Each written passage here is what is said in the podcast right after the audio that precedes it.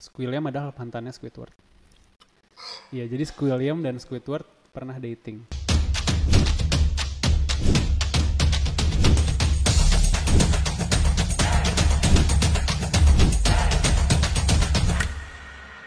Hai guys, welcome back to CH Podcast, podcast gudang cerita. It's been a long time gak syuting. Kalian sih nontonnya terus-terusan. Jadi Ah, ah, ah. ini tuh di postnya mungkin dua, dua mingguan, satu minggu setelah kita syuting ini. Jadi kemarin tuh TikTok kita kena violation.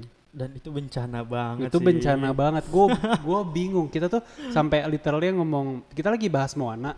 Kita ngomongin babinya Moana Ah. kita cut babinya. Padahal kita ngomongin babi in yang artinya tuh babi lucu gitu bukan Dan bukan suatu untuk ejekan kan? Iya, itu aja kita cut terus. Tapi kayaknya ada yang miss tuh di foto-foto horor, foto-foto Ah, hantu. Mungkin setuju, setuju. mungkin TikTok tuh ngiranya hantu tuh nggak tahu sih, nggak ngerti juga sih. sadis gitu gak sih? Ya, kan beberapa nggak foto kita juga ada yang mengandung darah dan segala macam. Iya, terus di bandnya tuh kayak lama banget 10 hari dan ya ini ini kalau kalian pengen kepo dikit sih. Jadi 10 hari tuh buat kita itu sangat sangat sangat Berharga. berharga. Iya. Literally sejam aja berharga banget. Setuju, Sejam setuju. sehari aja berharga banget. Ini di di nggak boleh ngepost 10 hari jadi YouTube kita tahan, giveaway juga kita tahan, semuanya kita tahan. Dan akhirnya sekarang mulai lagi. Bisa dibilang mati kutu sih kemarin. Kayak mainan kita diambil ya gak sih? Iya bener-bener Kayak kayak, anak kecil mainannya diambil. kayak bener-bener pegangannya kita banget diambil. Jadi ya kita ngambil banyak pelajaran juga dari masalah kemarin dan semoga kita kita bisa comeback stronger, stronger, stronger. Dan ya hari ini kita ditemenin Tenes, Thor, Cap, Black apa Black Black, Panther. Panther sama Spidey sama ini Tom and Jerry dan langsung aja apa kabar Bapak Okan? Alhamdulillah sangat baik. Hari ini kita mau bawa bawa, bawa teori apa nih? Wah hari ini kita bisa dibilang lebih banyak dari Banyak sebelumnya sih. Ini kita nggak jujur nggak tahu bakal jadi dua atau tiga part. Betul. Dan So- kalau kalian sadar kita ada set baru loh. Kita, Kita beda yang dari Beda-beda sebelumnya. dikit dan kayaknya next episode setelah ini eh next episode habis ini Kasania sih. Oh, Cuman iya. cuman abis itunya lagi kita udah berubah nih setnya. Oke betul betul. Apa nih ada ada teori apa? Mulai dari cerita yang pertama. Ini tuh tentang uh, kartun Cars. Kenapa tuh? Jadi Cars itu salah satu kartun yang men- mensimulasikan melenyapkan manusia dari dunia. Banyak fakta yang mendukungnya. Pertama, kalau kalian nonton dari semua series Cars, itu jarang banget ada manusia kecuali yang yang ada eh, pesawat-pesawat. Di Cars yang pertama itu tuh nggak ada sama sekali manusia. Emang di pesawat ada manusia? Penonton ketika mereka lagi eh nggak ada ya? Nggak ada. Eh, nggak ada nggak ada ya. Jadi Mobil semua. Cars itu bener-bener simulasi pelenyapan manusia dari dunia. Hmm. Bahkan hewan pun nggak ada. Fakta pertama yang mendukung, eh jadi eh, cerita awalnya dulu lah. Gue pernah denger sih. Terus, jadi terus. kayak ada ilmuwan yang merasa bahwa polusi dunia ini udah terlalu parah. Kayak udaranya udah terlalu buruk dan gak sehat buat manusia. Ah. Sampai dia kepikiran bahwa gimana jadinya kalau manusia tuh hidup di dalam mobil aja. Dan bagaimana cara mereka hidup adalah eh, menggantikan bensin itu dengan nutrisi-nutrisi untuk menghidupkan manusia di dalamnya. Jadi dan- dalam Cars itu ada manusianya. Nah, betul. Dan kayak uh, Cars itu juga kayak ada matanya, ada giginya dan ada mulutnya juga kan Hah. di Cars itu. Hmm. Jadi bener-bener Cars itu kayak simulasi dari bahwa tuh ini bahaya banget bisa melenyapkan manusia dari dunia gitu loh. Ya gue juga waktu itu pernah baca penonton ya. Jadi mereka kan pada punya accent kan, punya logat kan. Nah, logatnya itu adalah manusia terakhir. Gue gak tahu manusia di dalamnya atau manusia terakhir yang pernah nyetirin mobil tersebut. Karena hmm, kalau misalnya keluar dari mobil itu udah kayak ya ya udah apa sih namanya bahaya banget aja gitu manusia. saking bahayanya banget kan Iya, makanya, makanya mereka tinggal itu di berpikir mobil. kayak udah dalam mobil aja karena itu Iya. le- lebih aman banget sih. Jadi gue tuh ada ini bukan teori sih ini. Ini gue tau uh, kepikiran Come aja. sendiri. Hah, lu tahu laut yang di SpongeBob kan Gulagun? Tahu tahu Tahu kan? Itu tahu, kayak nggak make sense gitu kan? Kayak ada api dalam laut, dia main api unggun terus pinggir pantai gitu, Ah, kayak iya, nggak iya. make sense gitu kan? Api emang nggak make sense kalau dalam air nggak bisa. Tapi laut tuh make sense tau. Laut tuh make sense tau. Lu lu inget nggak sih? Kalau nggak salah 2013 apa 2000 berapa sempat viral banget yang sungai dalam air. Oh iya Sungai- iya ada ada ada ada. Underwater river kalau nggak salah namanya Senot Banyak ber- di berita juga kan waktu itu. Iya, Ah. viral banget. Jadi kayak terus yang da- yang divernya apa penyelamnya tuh langsung kayak masuk Islam gitu-gitu karena ada Percaya. di gitu-gitu betul, kan. betul. Nah, terus jadi itu tuh sebenarnya make sense banget karena eh, kalau kalau kimianya eh kimia kalau sainsnya sih lebih ke yang kayak itu perbedaan tingkat keasinan, tingkat garamnya gitu, tapi intinya sih kayak masuk akal aja gitu. Masuk akal cuma harusnya yang di atas tuh air tawar, yang di atas yang di bawah Air air, garam. laut. Iya. Hmm, air garam. Makanya kayak rada nggak make sense di situ tapi in a way masih masuk akal juga. Iya, karena waktu itu juga kayak eh, sempat ramai ada dalilnya di Al-Qur'an yang Iya, pakai ha, ha, ha. penyelam itu langsung masuk Islam. Iya. Karena benar-benar ada kan Ha, ha. eh, dalilnya itu dan itu memperkuat banget jadi banyak yang percaya, banyak heboh di berita-berita. Oke, oke. Terus eh aku langsung ke Phineas kali ya. Ada kartun Phineas nih. Eh, Oke. seharusnya ini eh, teori ini aku bawa kemarin sih pas eh, aku lagi ngebahas Oh iya, Phineas juga. Tapi karena kelupaan baru sekarang dibawain. Jadi eh, kartun Phineas and Ferb itu come up-nya atau didasari dari kisah nyata. Aku nggak tahu eh, ini tuh sesu di eh, adaptasinya sesudah atau se- sebelum ada Phineas and Ferb. Jadi ada seorang anak namanya Dan eh, Povenmire. Hah. Phineas and Ferb itu kan menghabiskan musim panasnya selama 104 hari kan. Dia tuh kayak Hmm. openingnya aja kayak tahu 104 Yang lagu. hari yang kalender Ah, ah. ah. dan ceritanya itu mereka menghabiskan waktu masa libur sekolahnya selama 104 hari kata eh, di kartunnya gitu. Nah, ada anak namanya Dan Povenmire. Dia ini suka ngegambar kayak kartun-kartun gitu, bener-bener dari kayak and Ferb kayak mem- membayangkan bahwa dia punya sesuatu dan mamanya bilang ke dia musim panas eh, musim panas selama 104 hari jangan sia-siain waktunya. Lakuin aja apa yang lu mau. Dan dia suka banget ngegambar kartun-kartun. Akhirnya dia ngelakuin hal itu. Dan karakter Candice itu juga nyata. Ini adalah saudaranya dan Povenmire di, di kartunnya Candice itu selalu mengganggu 104 harinya. Dia berusaha ngegagalin semua eksperimen Phineas dan eh, buat bilang ke mamanya kan. Dan eh, itu nyata jadi dia tuh kakaknya si Dan Povenmire Orang di Amerika gitu. Ah, ah, di Amerika gitu. Dia, nah si kakaknya ini setiap eh, Setiap summer ya. si Dan Pavan mau ngegambar segala macem, dia tuh selalu ngeganggu. Dia selalu ngebuat masalah apa pun supaya dia nggak ngegambar. Dan ini bener-bener cerita yang ada di Phineas sih. Jadi Phineas itu kan Iya. memang memang dia ngelakuin eksperimen sama 104 hari. Itu lo dapet dari mana info kayak gitu? Ada di artikel. Nanti aku lihat deh. Eh aku kasih lihat. Nanti aku kasih lihat. Dan menurutku ini bisa sih. Tapi menurutku ini eh, didasari atau diketahui setelah kartun Phineas, bukan benar-benar didasari dari eh, ceritanya. Hmm, hmm, hmm. Dan itu menurutku masuk make sense banget. Itu kayak mirip-mirip yang kayak Iron Man adalah Elon Musk, tau gak sih? Iron Man adalah Elon Musk. Masa Maksudnya? tahu sih? Masa nggak tahu? Lu tau Iron Man kan? Tahu tahu tahu. Elon Musk Maksudnya hubungannya apa nih antara Elon Musk dan Iron Man? Iron Man adalah Elon Musk, ngerti gak sih? Ya seben nggak bener-bener Iron- Man adalah Elon Musk. Betul. betul. Tapi kayak mirip banget. Ngerti gak sih? Tujuannya adalah menyelamatkan dunia. Bedanya si Iron Man tuh perang-perang sama alien segala macem. Elon Musk pengen membawa manusia ke Mars. Pengen kayak listrik itu sustainable dari solar segala macem. Terus kita nggak pakai bahan bakar fosil segala macem gitu-gitu. Oh, Jadi kayak sama-sama menyelamatkan dunia, sama-sama entrepreneur. tapi dengan jalan yang berbeda ya. sama-sama iya dengan jalan yang berbeda tapi mirip banget gitu. Gak tau Iya. gue gue dengernya mirip-mirip gitu. Dan karakter mereka dua-duanya sama-sama teknologi banget iya, kan. apa namanya engineer banget gitu. Eh, sangat pembuat banget kan ya menurutku bisa bisa bilang sih kayak mirip-mirip gitu ya Dan Elon Musk juga masuk tau di Iron Man 2, inget kan? Yang kemarin gue tunjukin. oh iya iya iya yang Iya. scene kayak Ah. lagi party gitu kan sih Iya, kayak Ah. sebenarnya cameo doang sih, kayak bentar doang. Tapi gak tahu itu kan way before Elon Musk terkenal kan sebenarnya. Gue juga betul. rada bingung Dan kenapa dia bisa masuk. belum sebesar sekarang lah Belum gitu. sebesar sekarang karena Elon Musk kan baru pecahnya tuh 2020 seingat gue. Pas covid covid gitu dia baru pecah banget dan sebelumnya itu dia masih pas Iron Man 2 take tuh harusnya dia lagi struggle besar, lagi struggle banget sama Tesla sama SpaceX. Hmm.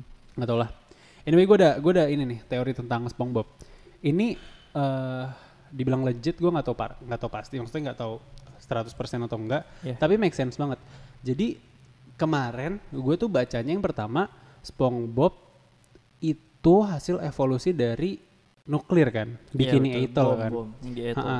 nah di sini gue baca kalau lu tahu dewa Neptune kan di SpongeBob oh iya tahu tahu dia Yang itu hijau. jahat. Iya, jadi dia ya dibilang jahat enggak juga sih ya. Jadi dia adalah kayak being, maksudnya sosok yang mengubah semua ikan, mengubah semua makhluk menjadi evolve, menjadi berevolusi gitu. Jadi Oh. tadinya tuh yang kayak crab ya kepiting biasa, terus Patrick ya ya star starfish biasa kayak gitu-gitu. Ini buktinya ada di salah satu episode kalau nggak salah nggak masuk Indo deh. Kayak pas kita kecil tuh nggak masuk. nggak masuk ah. Tapi ada waktu itu di salah satu episode dia di- ditunjukin kalau ada kayak bulan warna hijau itu disebutnya Neptune Moon, bulannya Neptune. Itu keluar dari volcano gitu yang gua lihat ya. Keluar dari volcano apa namanya? gunung, Gunung berapi, berapi. Heeh. Gunung berapi terus kayak terbang aja gitu. Nah, setiap uh, being being tuh apa sih? Setiap makhluk lah yang kena setiap spesies yang akan kena berevolusi akan di-evolve. Jadi kan SpongeBob udah jadi pokoknya SpongeBob dan kawan-kawannya tuh udah ngobrol kan, udah bisa ngomong segala macam. Nah, yang kena sinar ini jadi ikan biasa. Jadi ikan biasa dan kayak Oh. bahkan si Pearl jadi si anaknya Tuan Crab tuh jadi paus beneran. jadi Terus- ikan paus beneran Iya, terus yang gue lihat kalau nggak salah Squidward jadi kraken, jadi berantem dia berdua. jadi gede banget. Nah, oh yang gede itu itu salah satu bukti yang kuatnya karena itu disebutnya Neptune Moon bukan cuma bulan hijau oh kan gitu. Neptunus juga warna hijau kan? Iya. Ah, ah, Nah, ah, kan ada juga banyak episode di mana si Neptune ini bisa mengubah Squidward tuan eh lebih ke tuan crab sih kayaknya yang tuan crab lagi. Gue lupa deh pokoknya episode jadi dia tuh emang ya ya dewa dan dianggap dianggap Tuhan sama anak-anak Hmm. sana kan. Gitu. Nah terus karena si evolusi ini jadi kan berarti ada daerah yang masih ikannya ikan biasa kan normal ikan kebayang normal. dong. iya iya ya, betul jadi misalnya kita udah hebat banget di samping kita manusia biasa gitu betul, misalnya. betul. Nah, mereka yang udah berevolusi di teori ini mereka berantem, mereka perang sama ikan-ikan yang normal, ikan-ikan yang belum berevolusi. Salah satu buktinya adalah ada scene di mana Bikini Bottom itu dikelilingi oleh laut. Dikelilingi oleh laut. Ada ada mapnya, ada petanya. Nah, laut yang kayak tadi gue jelasin itu. Nah, laut itu tempatnya binatang-binatang normal yang belum berevolusi. sedangkan bikin batam yang udah berevolusi semua Iya, karena teorinya adalah mereka makan yang ikan, ikan normal. yang belum iya. Gitu, teorinya adalah mereka makan ikan normal Wah, gokil sih. gitu. Nah, terus ini kayak it brings me to the last point yaitu gini. Ini kan ada misteri yang uns- unsolved banget dari dulu kan. yang nggak ya, nggak terpecahkan lah Anaknya crab. Paus. pearl ah betul Iya. nggak nyambung banget kan nggak nyambung kan. Nah jadi ada scene, gue lupa episode mana, ada scene dia tuh si crab ini di rumahnya, di gudangnya tahu kan, yang kayu-kayu segala Ah, macam ada banyak bingkai gitu ada palu kan. bingkai gitu-gitu. Ah. Nah di pojok bawah itu tuh ada foto paus gede banget di samping perahu. Di samping perahu. Nah itu pausnya bener-bener gede banget.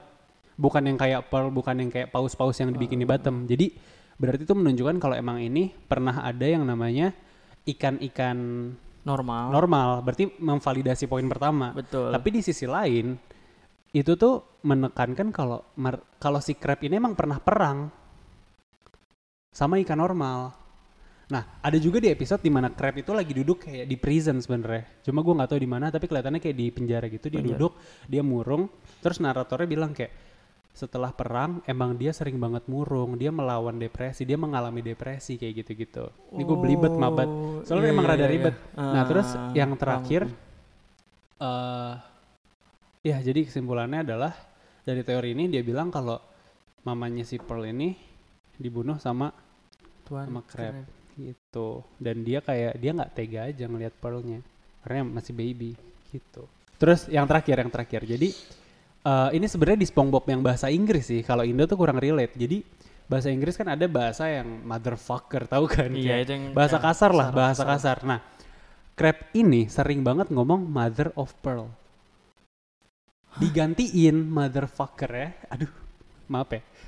Diganti jadi mother of pearl nanti Serius? nanti kita emang ada sini dia ngomong gitu ada nanti kita coba cari kalau misalnya kita nemu kita taruh deh Mother of pearl! Mother of pearl! jadi banyak banget dia yang kayak lagi mancing segala macem gitu-gitu ngomong kayak gitu itu sih itu itu beberapa poin yang gue dapat mungkin dari karena dia inget-inget kayak pernah melakukan itu jadi dia ngomong mother of pearl kayak ya jadi kayak matanya. mengingatkan ke something yang buruk ke zaman zaman perang gitu ya kan? ya nggak sih? Iya sih. Eh kalau ngomongin mamanya Pearl aku ada ini sih. Aku Apa ada nih? hubungannya. Jadi Kayak gue tahu nih.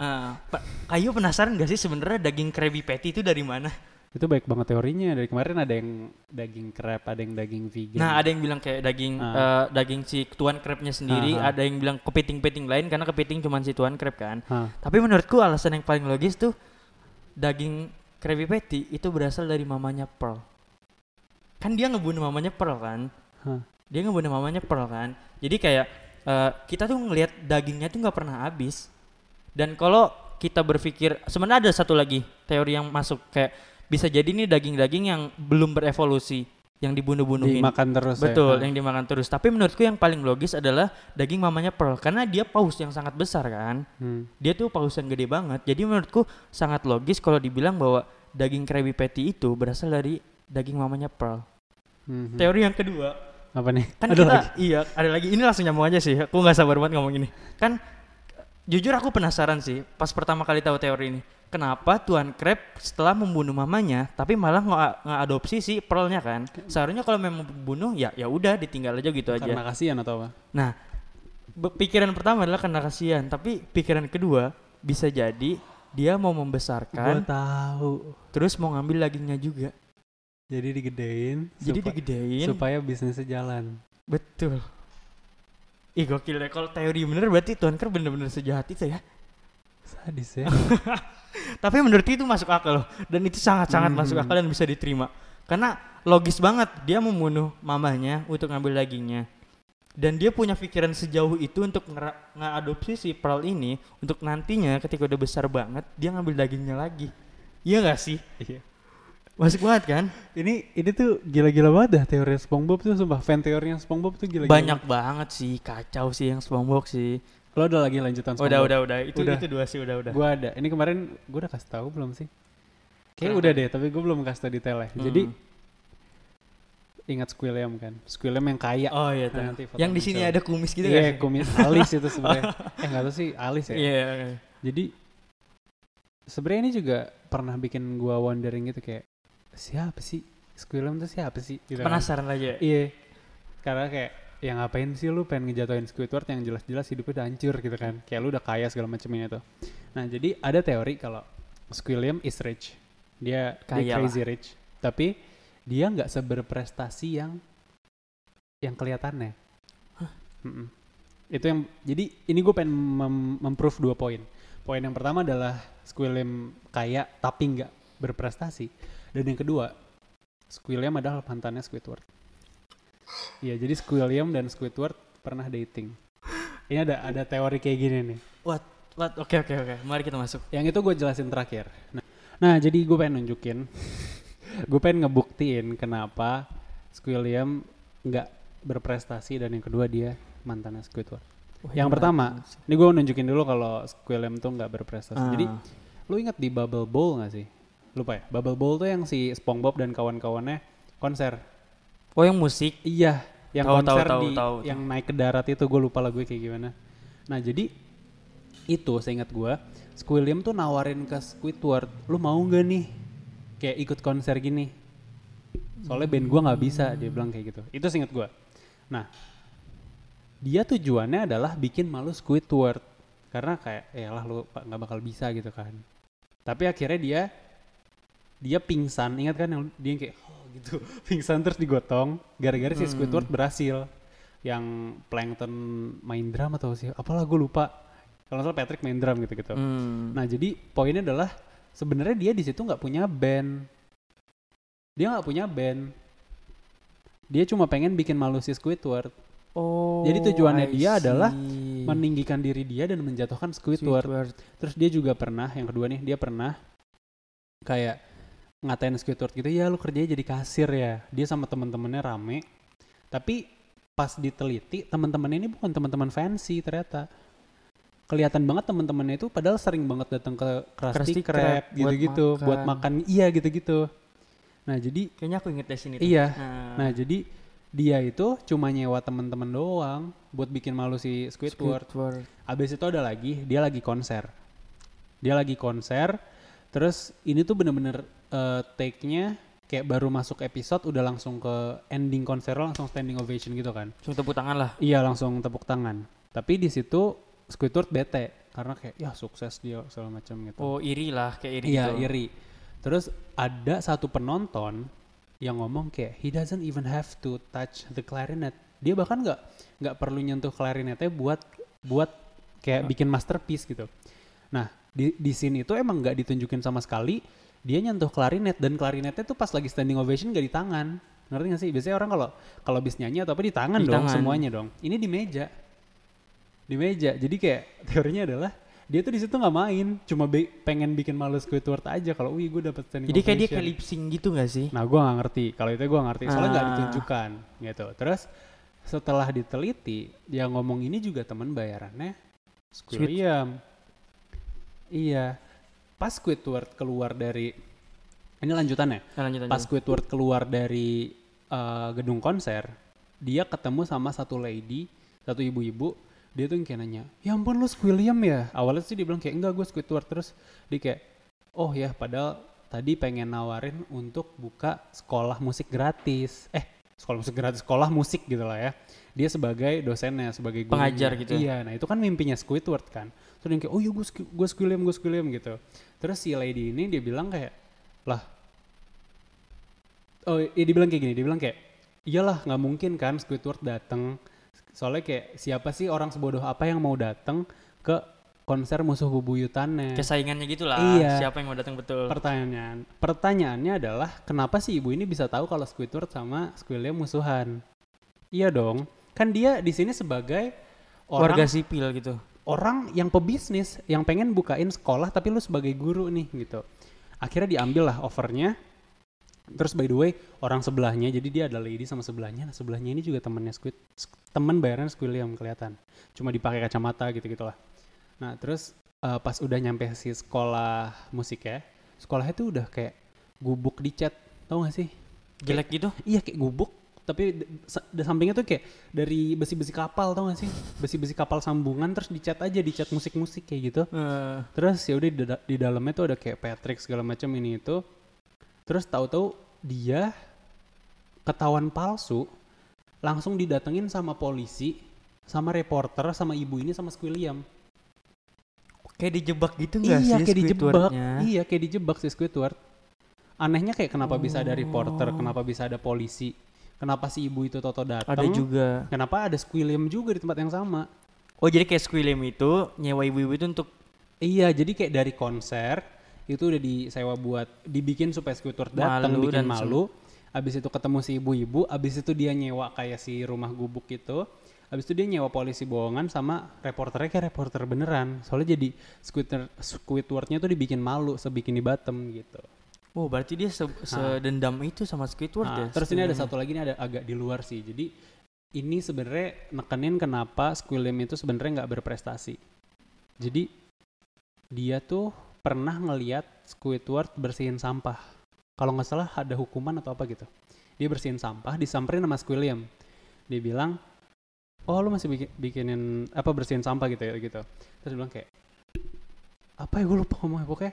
Coba aja lu bisa eh, bersihin eh coba aja ada orang yang bisa bersihin bikini bottom dalam waktu seminggu pasti dibikinin stage dibikinin stage apa sih Panggung. bukan eh patung Oh patung. ya kayak stage. gitu terus dia kayak oh oh iya itu kan gua gitu loh ngerti gak sih Oh kayak sombong itu lah. iya kayak sombong terus oh iya ini dia patungnya gitu ditunjukin terus nggak lama ada ibu-ibu datang kayak wow kayak God bless William gitu gitu gitulah Muji-muji lah. Iya muji-muji karena keren banget gini-gini. Tapi nggak lama patung itu tuh kayak kayak rubuh gitu, Pecah. kayak meleleh gitu nggak ngerti gua. Iya meleleh gitu kayak patungnya jelek banget gitu. Padahal dia bilang kayak itu patung dibikinin sama bikini bottom kan? Eh bentar-bentar. Iya pokoknya dia bilang itu dibikinin sama bikini bottom sebagai penghargaan. Penghargaan. Tapi nggak lama ada polisi yang datang nanya ini patung punya siapa? Patung punya lo. Iya dia bilang akhirnya dikasih denda. Kalau misalnya itu dibikinin sama bikini bottom, Seharusnya. harusnya nggak denda dong Betul. rusak juga tanggung jawab bikini bottom Wah. Kayak gitu ya ampun gue gue kayak profesor SpongeBob dah yang terakhir yang terakhir ini eh, scene yang membuktikan sebenarnya cuma ada dua yang gue inget cuma ada dua scene kecil yang membuktikan kalau Squidward adalah Mantan. mantannya Squilliam. Jadi ada satu scene di mana Squidward itu mau mandi, dia kayak pakai rope gini, rope tau gak sih jubah mandi, terus dia kayak jinjit lari-lari gitu, Ah, ke masukin ke, masuk ke bathtub. Masalahnya adalah rope yang dia pakai rope Squilliam, beda sama rope Squidward. nggak pak nggak kayak yang biasanya dia pakai. Pokoknya itu rope Squilliam, nanti bakal muncul deh fotonya. Dan di sisi la, di rumahnya Squilliam kan dia kaya dan banyak painting kan di tembok. Itu tuh ada foto Squidward. Hah serius? Iya. Dan ada beberapa scene yang kalau nggak salah si Squilliam tuh buka baju atau apa, terus Squidward bilang kayak oh no he's hot gitu. kayak anjir dia seksi gitu. gitu. Nah, yang ini sih jujur, jujur gue nggak tahu valid atau enggak, tapi lo tau gak sih yang kayak SpongeBob tuh sering banget masukin inside jokes inside jokes 8 eh, kayak 18 plus 18. Iya, jokes jokes jokes jokes dewasa dimasukin tapi kayak kayak bener-bener smooth banget gitu. Nggak disadarin banget. lah, Nggak disadarin. Jadi, disadarin. jadi ini tuh kalau kalau dibuktiin emang susah, tapi in a way make sense. Kayak ini gua gak mau terlalu detail sih. Cuman nanti kapan-kapan atau lu coba inget-inget yang SpongeBob karate sama Sandy. Yang di rumahnya atau yang di Yang karate yang sampai Pulau. dimarahin yang sampai dimarahin sama Mr. Crab, Mr. Crab. Ingat gak sih? Yang Krabby Patty dibelah, apa Oh, dibelah, yang pakai pohon sarung tangan dibelah. merah iya, gitu ya? pakai sarung Oh iya tangan tahu tahu. Ingat ingat. Pakai pengaman gitu kan. Nah, jadi pas lagi kerja SpongeBob inget tentang karate. Pas lagi pas lagi apa namanya? Pokoknya dimarahin terus kan. Dia inget karate karate karate mulu sampai ada one day di mana dia tuh jalan sama Sandy. Dia tuh kayak bener-bener karate terus karate karate karate sampai akhirnya tuh dia capek kayak ah gitu. Lanjutannya gue males sih. Cuma- lanjut dong, lanjut dong. Cuma intinya karate itu adalah simbol. Untuk? Untuk aduh. Gue malas nyebutnya. Masa lu nggak tahu sih maksud gue jadi yang eh, helm sama sarung tangan itu adalah pengaman. Dia selalu memikirkan tentang itu. Oke, aku aku langsung masuk. Ini ceritanya eh terus terus aku masih mau bahas eh, SpongeBob SpongeBob. kenapa Aku jujur tertarik banget sama tete- sekarang tertarik banget sama beberapa teori yang ada di SpongeBob. Kayaknya aku bakal cari lagi deh. Aku yakin masih ada beberapa teori yang bisa digali. Karena ketika aku menceritakan tadi kayaknya dan aku dengar cerita kayu kayaknya banyak eh, cerita-cerita yang sebenarnya tersembunyi gitu loh. Dan aku Iya. jujur jadi tertarik untuk menggali lebih dalam lagi. Jadi buat kalian kayaknya harus tunggu deh. Bakal digali lagi. jadi SpongeBob tuh karena selama itu Sebanyak itu sebanyak juga. itu episodenya dan seterkenal itu jadi orang tuh banyak banget bikin teori-teori yang ya honestly kita nggak tahu bener atau enggak cuma seru aja dibahas Jadi fan gitu. teori bukan Iya. sih, te- teori-teori fans gitu iya kan. fan teori gitu lanjutlah ada cerita Kita langsung eh, eh, ini sih kartun Powerpuff Girls. ingat gue yang cewek Iya, tiga tahu itu kan yang cewek tiga itu. Jadi Hmm. ada karakter di toko ini tuh yang namanya Brenda. Jadi Hmm. dia ini tuh cerita ini fan teorinya. Jadi dia ini fan teori fan oh ya. Jadi fan teorinya gini. Jadi si Brenda ini diduga itu salah satu anak yang terintimida- terintimidasi oleh keadaan. apa Jadi dia tuh punya kakak. Hmm. Dia tuh punya kakak dan dia tuh terimpi, terintimidasi banget sama kakaknya. Kayak selalu dimarahin, dia tuh selalu salah Hmm. melakukan sesuatu. Tau dan di- kayak gitu Kartunnya dan di kartunnya karakter kakaknya ini si eh, karakter kakaknya ini muncul. Hmm. Namanya Mojo dan Jojo. Hmm. Dan di film itu itu adalah musuh bebuyutan si Brenda ini. oh iya Jadi kayak ya maksud paham lah maksud yang aku Hmm. maksud. Brenda tuh yang warna apa Brenda itu satu orang yang hijau kalau nggak salah. Ah, hijau ah, tau kan ah. yang hijau ah. nah terus fakta menariknya adalah Powerpuff Girls itu bukan tiga hero yang terpisah tapi satu orang yang berperi berper kepribadian tiga betul itu yang aku maksud jadi jadi ada satu scene dia tuh kalau lawan Mojo dan Jojo ini yang jahat ini musuh buyutannya tuh nggak pernah berhasil kalau sendiri sendiri kalau sendiri tuh mereka nggak pernah berhasil tapi ketika mereka bersatu itu tuh mereka langsung bisa ngalahin Hmm. orang ini jadi kayak eh, paham gak sih kalau kita ber- Iya. eh, jadi satu pribadi ini kita nggak bisa ngalahin Nah, tapi kalau kita Ini. benar-benar tapi kalau jadi benar-benar jadi satu diri kita bisa ngalahin ya semua benar, jadi paham, kayak paham. Dia tuh punya kekuatan yang lain itu salah satu pribadinya cuman salah satu kepribadiannya doang bukan bener-bener dia. Kebayang kebayang kebayang maksudnya. Eh, jadi kayak menurutku Itu kayak kalau kalian nonton sebenarnya pasti tahu ceritanya dan seharusnya kalian juga kalau nonton kebayang apa yang eh, aku maksud sih. gue gue jujur nggak terlalu tahu Powerpuff. Heeh, tapi kebayang. Jadi itu in a way ngegambarin mental illness. Jadi kayak orang-orang yang punya mental illness kalau dia bisa collect themselves collect their feelings segala Nah. macam mereka bisa ngalahin segala hal yang ada di depan mata dia gitu Tapi kalau sebaliknya kalau misalnya dia kayak ter- terpaku dengan salah satunya itu mereka nggak akan bisa apa-apa kasarnya kayak gitu yang gue betul, tangkap betul betul betul. Oke. lanjut lanjut Udah sih, kalau Powerpuff aku udah cukup. Oh, udah. Oke oke oke. jadi gue ada teori nih dari Inside Out Wah, apalagi nih Inside Out. gue baca kalau Riley dari Inside Out adalah anak adopsi. Ini sebenarnya nggak 100% valid, tapi gini, papanya Riley itu sama mamanya rambutnya sama-sama coklat, kayak brown tua gitu, dan matanya kayak gue juga coklat. iya iya coklat Oh, iya, kayak, iya, kayak iya. kita, kayak kita Ah, maksudnya, betul, betul. kayak orang Indonesia. Tapi Riley tuh blue eyes.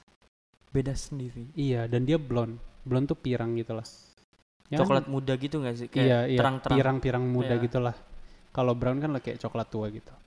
Nah, yang kedua, kayak scene pas pertama kali masuk Inside Out, itu tuh kayak kita emang dikasih tahu kalau mama papanya punya Riley dari kecil, tapi bukan pas melahirkan. Jadi kita nggak dikasih tahu nih, nggak valid. Hmm. Jadi pas lagi ngegendong pertama kali si Riley kayak melek, pertama kali Riley melek, itu tuh bukan pas mamanya habis ngelahirin. Kalau habis ngelahirin tiduran dong. betul, betul. Ini tuh berdiri dan dia pakai baju biasa gitu.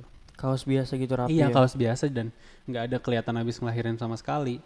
Gitu. Nah, yang kedua penekanannya adalah adopsi di Amerika ini mahal. Yang gua tahu ribet, dan susah mahal lah. dan ribet dan susah. Iya. Jadi itu yang ngejelasin kalau mereka tuh hidupnya terbatas. Makanya kan dia pindah rumah dan pas pindah rumah tuh mereka nggak bisa dapet rumah yang proper. layak lah. Iya nggak layak Heeh. gitu. Makanya Riley jadi depresi segala macem gitu-gitu. Dan yang menurut gue paling kenceng buktinya adalah jadi di Inside Out nih buat yang nggak nonton, Inside Out tuh menggambarkan nih spoiler alert. Inside Out tuh menggambarkan tentang eh, namanya inside mindnya manusia gitu kan. Terutama si Riley. Nah jadi di otaknya Riley ini banyak pulau-pulau. Ada pulau yang mainan, ada pulau keluarga, ada pulau hoki, hoki ini tau ice Mainan, hockey iya, ya iya, gitu-gitu. Nah pokoknya ada lima pulau gue lupa.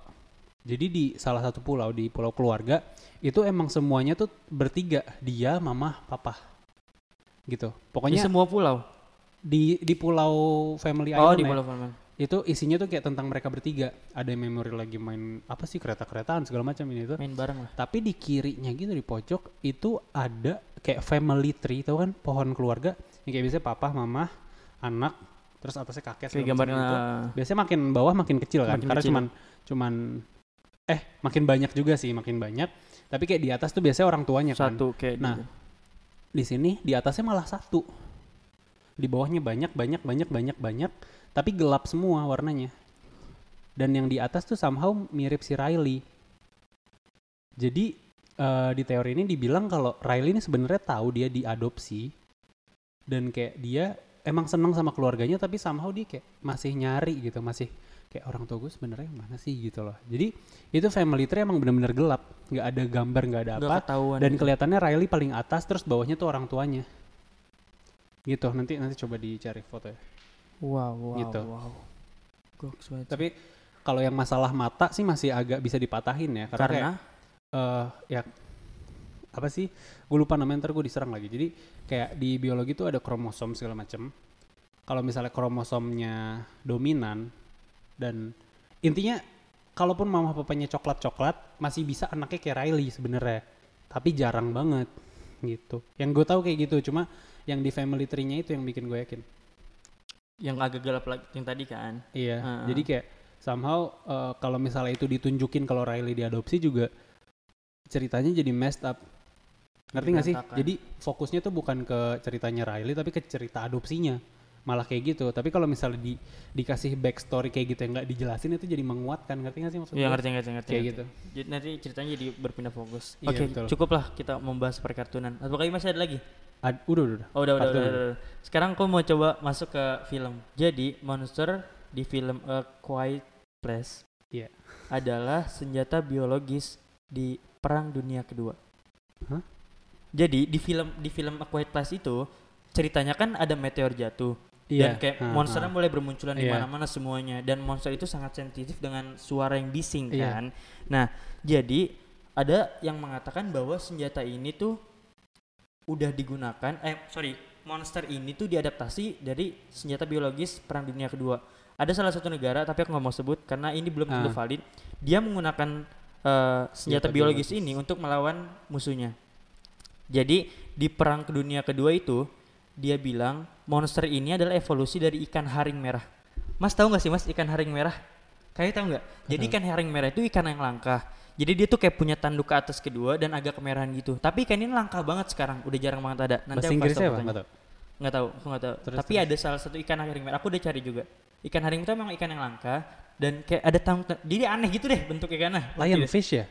Kurang tahu deh aku Inggrisnya. Nanti coba deh cari. Hah. Nah, jadi katanya dia dia tuh evolusi dari ikan haring merah. Hah. Nah, jadi senjata ini tuh memang ada pada saat Perang Dunia Kedua dan not not Oh bukan. is lionfish. Iya beda sih. Eh, ya, jadi jadi senjata ini tuh digunain di Perang Dunia Kedua untuk musnahkan lawan-lawannya. Hah. Kenapa? Karena dulu karena monster ini kan sensitif banget dengan suara juga kan. Hah. Jadi perang zaman dulu tuh masih menggunakan senjata berisik gitu kan. Jadi dengar. Nah, jadi bener-bener menghancurkan lawannya dengan cara monster ini yang sensitif yang sensitif dengan suara. Jadi Hmm. itu fan teori sih. Ada beberapa ada satu fans yang berteori seperti itu. Dan aku baca. Menarik juga sih. Eh, mau langsung ke film, film film kedua sih. Film kedua ini tentang Willy Wonka. Kalau Oke. kalian tahu yang ta- itu film tahun berapa ya kayu ya? Willy Wonka 1970 setahu gue. 70-an tapi Nah. tahun-tahun sekarang Di dibuat remake, di ulang, remake lagi, ya, betul. dan lebih bagus sih jelas aku lebih Ah. suka jadi pabrik co- pabrik coklat Willy Wonka itu berasal dari tubuh anak-anak yang mengunjungi pabrik itu. Jadi Willy Wonka tuh kan memang pengusaha permen kan? Ah, tapi dia tuh kayak kalah saing sama eh, pesaing-pesaing dia yang lain. Kayak bisa dibilang dia mau hampir bangkrut lah. Ah, akhirnya dia dep- eh, kesel dan berpikir gimana caranya gue bisa memproduksi sebanyak mungkin dengan bahan seminimal mungkin. Hmm. jadi dia ngadain kayak sayembara tiket emas kan? Untuk lanjutin Willy Wonka kan. untuk melanjutkan Willy Iya. Wonka. Jadi kayak beberapa anak yang terpilih itu bak- bakal bisa mengunjungi pabriknya kan ngeliat kayak eh, gimana gimana terus ngeliat kayak pro- produksinya seperti apa Ah, nah terus yang membuat eh, ini data semakin terbukti adalah dia nggak pernah panik kalau ada anak-anak anak-anak yang Nyemplung, iya. ada anak-anak yang Gua nyempil pernah di, alat-alat something gitu Ah. dia mukanya selalu biasa aja kayak Ah. eh, ya nggak panik sama sekali dan ibunya tuh yang selalu panik Iya iya. ya kan iya, nah iya. itu yang pertama terus eh, Willy Wonka itu juga punya alat jebakan dan kurcaci gitu kan ah. bukan bukan jebakan sih maksud kayak alat memproduksi tapi kayak jebakan juga jadi kayak ketika lu megang itu tiba-tiba lu bisa masuk ke dalamnya ketika lu lagi jatuh tiba-tiba lu nggak bisa keluar kayak yang anak gendut ada salah satu anak sin anak gendut yang kes kayak kesedot sedot ah. dia mampet gitu loh dan dia Iya, nggak iya, bisa iya. keluar dan ibunya panik dan Willy Wonka kayak Ya udah nyantai aja. ya dia nyantai aja karena Yang memang Psychopath. nah karena memang bahan pembuatan coklat itu berasal Dari dari anak-anak tubuh-tubuh ini. anak-anak tercebur dari trap-trap itu Gua gua nggak. Gue lupa sih jujur film Willy Iya. Wonka. Tapi gue juga ada teori tentang Willy Wonka. oh apa tuh Ini sebenarnya gue bukan nyari. Gue inget gara-gara gue nonton film Snowpiercer. Snowpiercer nih eh, direkturnya Bong Joon Ho. Bong Joon Ho tuh yang bikin film Parasite. Tahu gak sih yang yang kemarin tuh viral banget? Lo gak nonton aku ya? nonton yang Nah, Korea jadi- ya hmm, ah aku nonton Korea, tapi Korea bagus banget parah. Nah jadi si Snowpiercer ini kayaknya nggak terlalu viral. Yang main tapi Chris Evans, si Kapten Cap- ya Kapten. Nah jadi eh teorinya adalah ini benar-benar make sense banget. Jadi teorinya adalah Snowpiercer lanjutan Snowpiercer adalah lanjutan dari Willy Wonka. Hmm. Kenapa? Karena eh dari awal sampai akhir ini tuh ceritanya sama. Ini spoiler alert.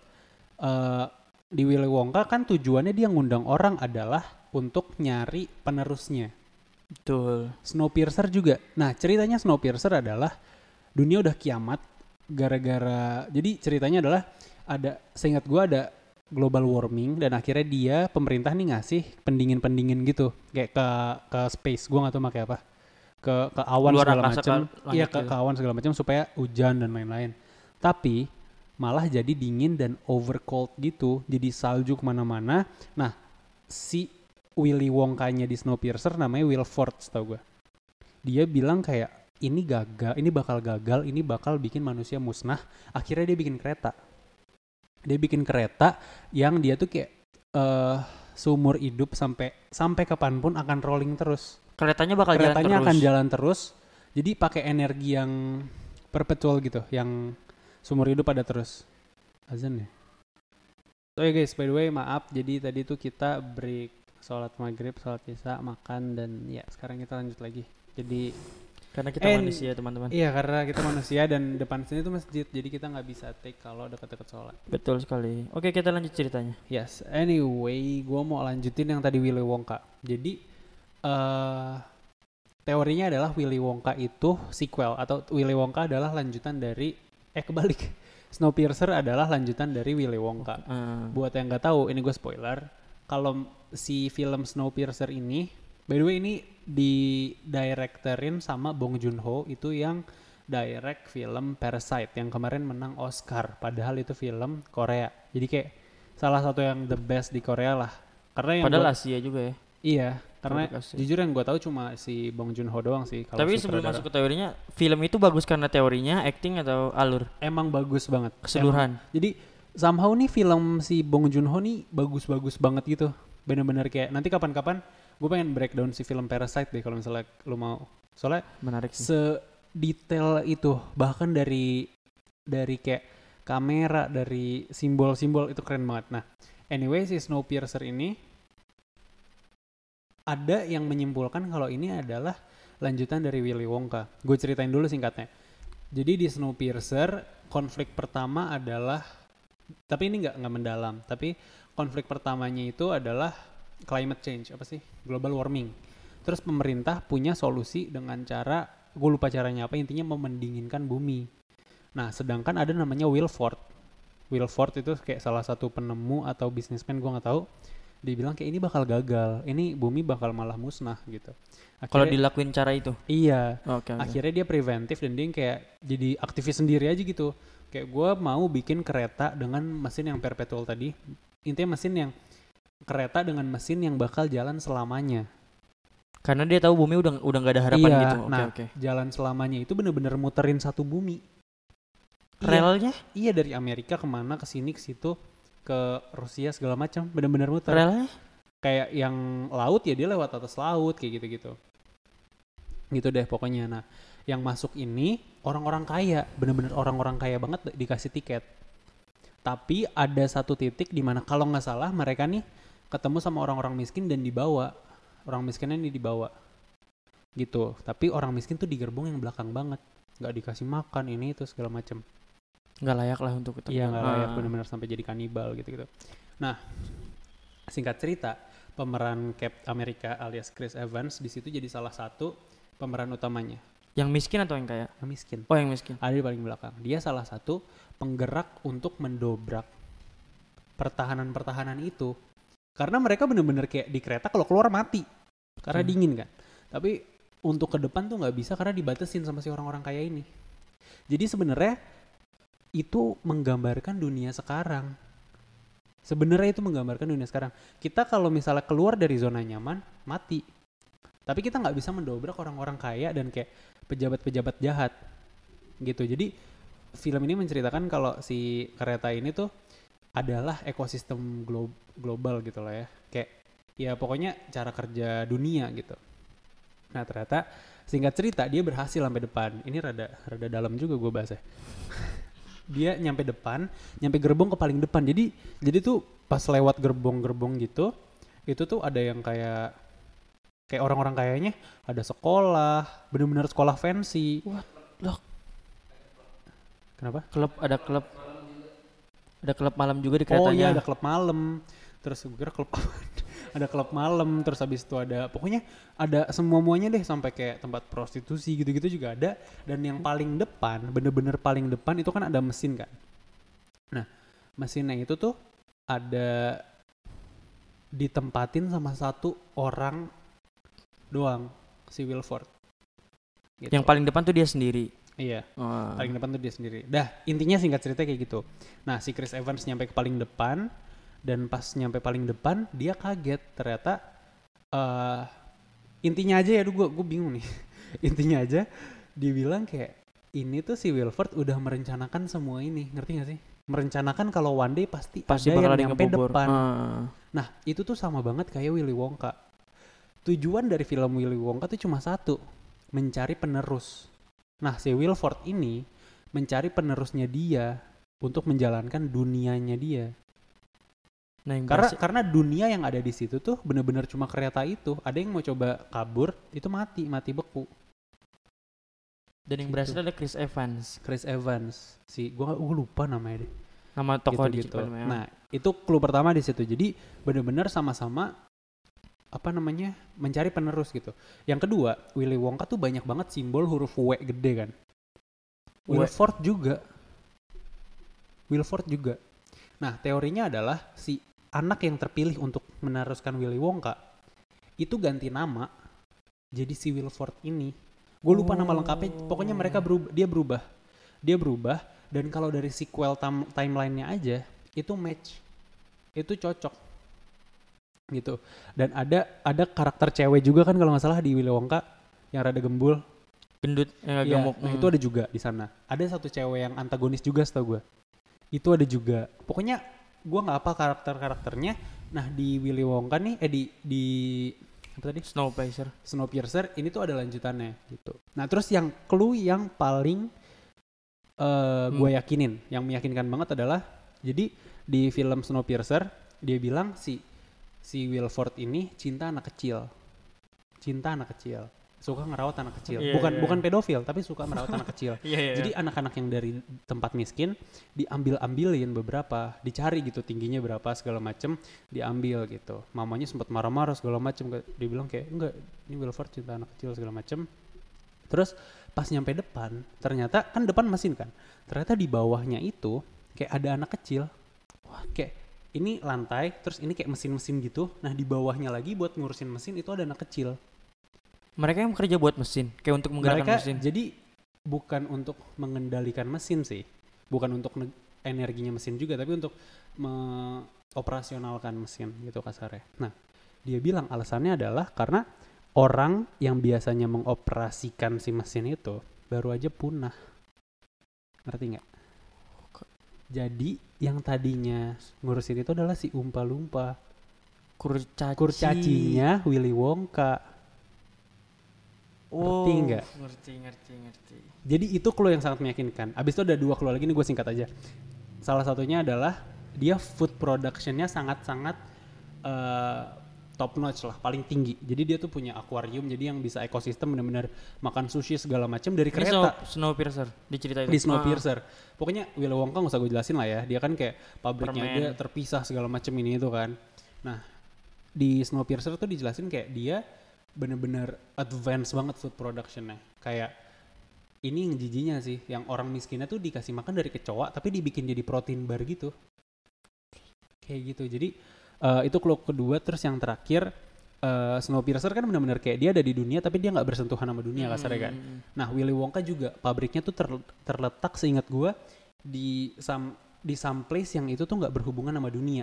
Jadi kayak nggak ada yang bisa masuk, nggak ada yang bisa keluar Betul, kan kalau nggak salah iya, gitu betul, kan. betul. Nah, jadi bener-bener kayak dia bahannya juga dia bikin kayak self product, eh self production segala macem gitu-gitu. Jadi itu sih, clue-cluenya bener-bener sebanyak itu dan yang bikin gue yakin banget sih umpa-lumpa itu. Bener-bener kayak, apa coba? itu ya. Apa coba? Maksudnya kalau bukan umpa-lumpa apa? Masa punah? Nggak mungkin Ah, kambing ngerti, gitu. ngerti, ngerti, ngerti. Iya kan? Iya juga. Gitu. Dengar dengar cerita film ini aku jadi semakin tertarik dia buat nonton kayak Snowpiercer ya. iya kayaknya Bagus, menarik bagus banget sih dari dari alurnya. Recommended banget Snow- Snowpiercer tapi bukan yang series Snowpiercer yang film. Nggak ada di Netflix. Iya nggak ada di Netflix Hmm. ya. Jadi caranya juga. Nah, kalau film gue ada satu teori dari Titanic nih. Jadi teorinya adalah si Jack. Jack dari Titanic adalah pacar imaginary-nya si Rose. Pacar ha- kan dia beneran. ya pokoknya di sini pacar hayalannya si Rose. Oke, oke. Alasannya adalah jadi simpelnya Jack ini nggak ada. Simpelnya Jack ini nggak ada, dia cuma ngayal. Kalau lu inget pertama kali Rose dan Jack ketemu itu pas Rose mau lompat dari kapal. Yang mau bunuh diri ya? Iya. Oh iya iya, aku Nah. ingat aku ingat. Di situ tuh Jack muncul nyelamatin si Rose Kayak jangan-jangan gitu. dan dalam waktu singkat Rose jatuh cinta sama Jack kan. Jadi simpelnya adalah ini wanita yang depresi kalau nggak salah karena dia nggak bahagia sama suaminya, seingat gua. Dan akhirnya dia mengimajinasikan satu sosok pria charming yang ganteng untuk menyelamatkan dia dari depresi. Jadi udah ke fase halusinasi juga. Kayak gitu. Nah, yang kedua yang bikin ini kedengeran valid. Jadi di film Titanic ini kan ada scene di mana dia interview si Rose aslinya kan. Ya mungkin dia Yang nenek-nenek aktris. tua gitu. Gue gak tahu ini Rose beneran atau enggaknya. Pokoknya di interview ini eh si orang yang nemuin barang-barangnya tuh bilang kayak kita nggak pernah we never found anything about Jack. nggak ada data, nggak ada segala macam gitu. Oh pas interview dia bilang gitu. Iya pokoknya lagi interview atau ngobrol atau apalah. Nah si Rose bilang kayak ya emang nggak ada harusnya. Gitu there won't be gitu. Kayak emang apa sih dia ngomong apa pokoknya nggak ada gitu intinya. Intinya tuh Jack tuh Ah, kayak barang-barang intinya tuh nggak kayak- ada. kayak dia bilang kita nggak nemu apa-apa loh tentang Jack terus eh, neneknya bilang kayak ya emang harusnya nggak ada dong gitu dan gue juga nggak pernah ngomong tentang Jack sampai sekarang dia bilang kayak gitu Hmm. Kayak ini kayak penyakit skizofrenia gitu gak sih? Kayak Nah, harus gua, gua nggak tahu gua nggak tahu yang jelas eh, dari yang gue baca itu adalah depresi yang ya dia udah sedih aja dia nggak tahu mau ke mana akhirnya dia mau lompat tapi dia kayak meng- mengimajinasikan Jack kayak gitu ya kayak maksudnya kayak, kalaupun itu penyakit kayaknya skizofrenia dah. Karena aku juga pernah baca kayak Ah, skizofrenia itu kayak halusinasi ah gitu. halusinasi beneran ada kayak orang-orang bener nyata tapi Hmm. sebenarnya nggak ada gitu kan. Kayak dia merasa ditakut-takuti, merasa Hmm. dihantui gitu.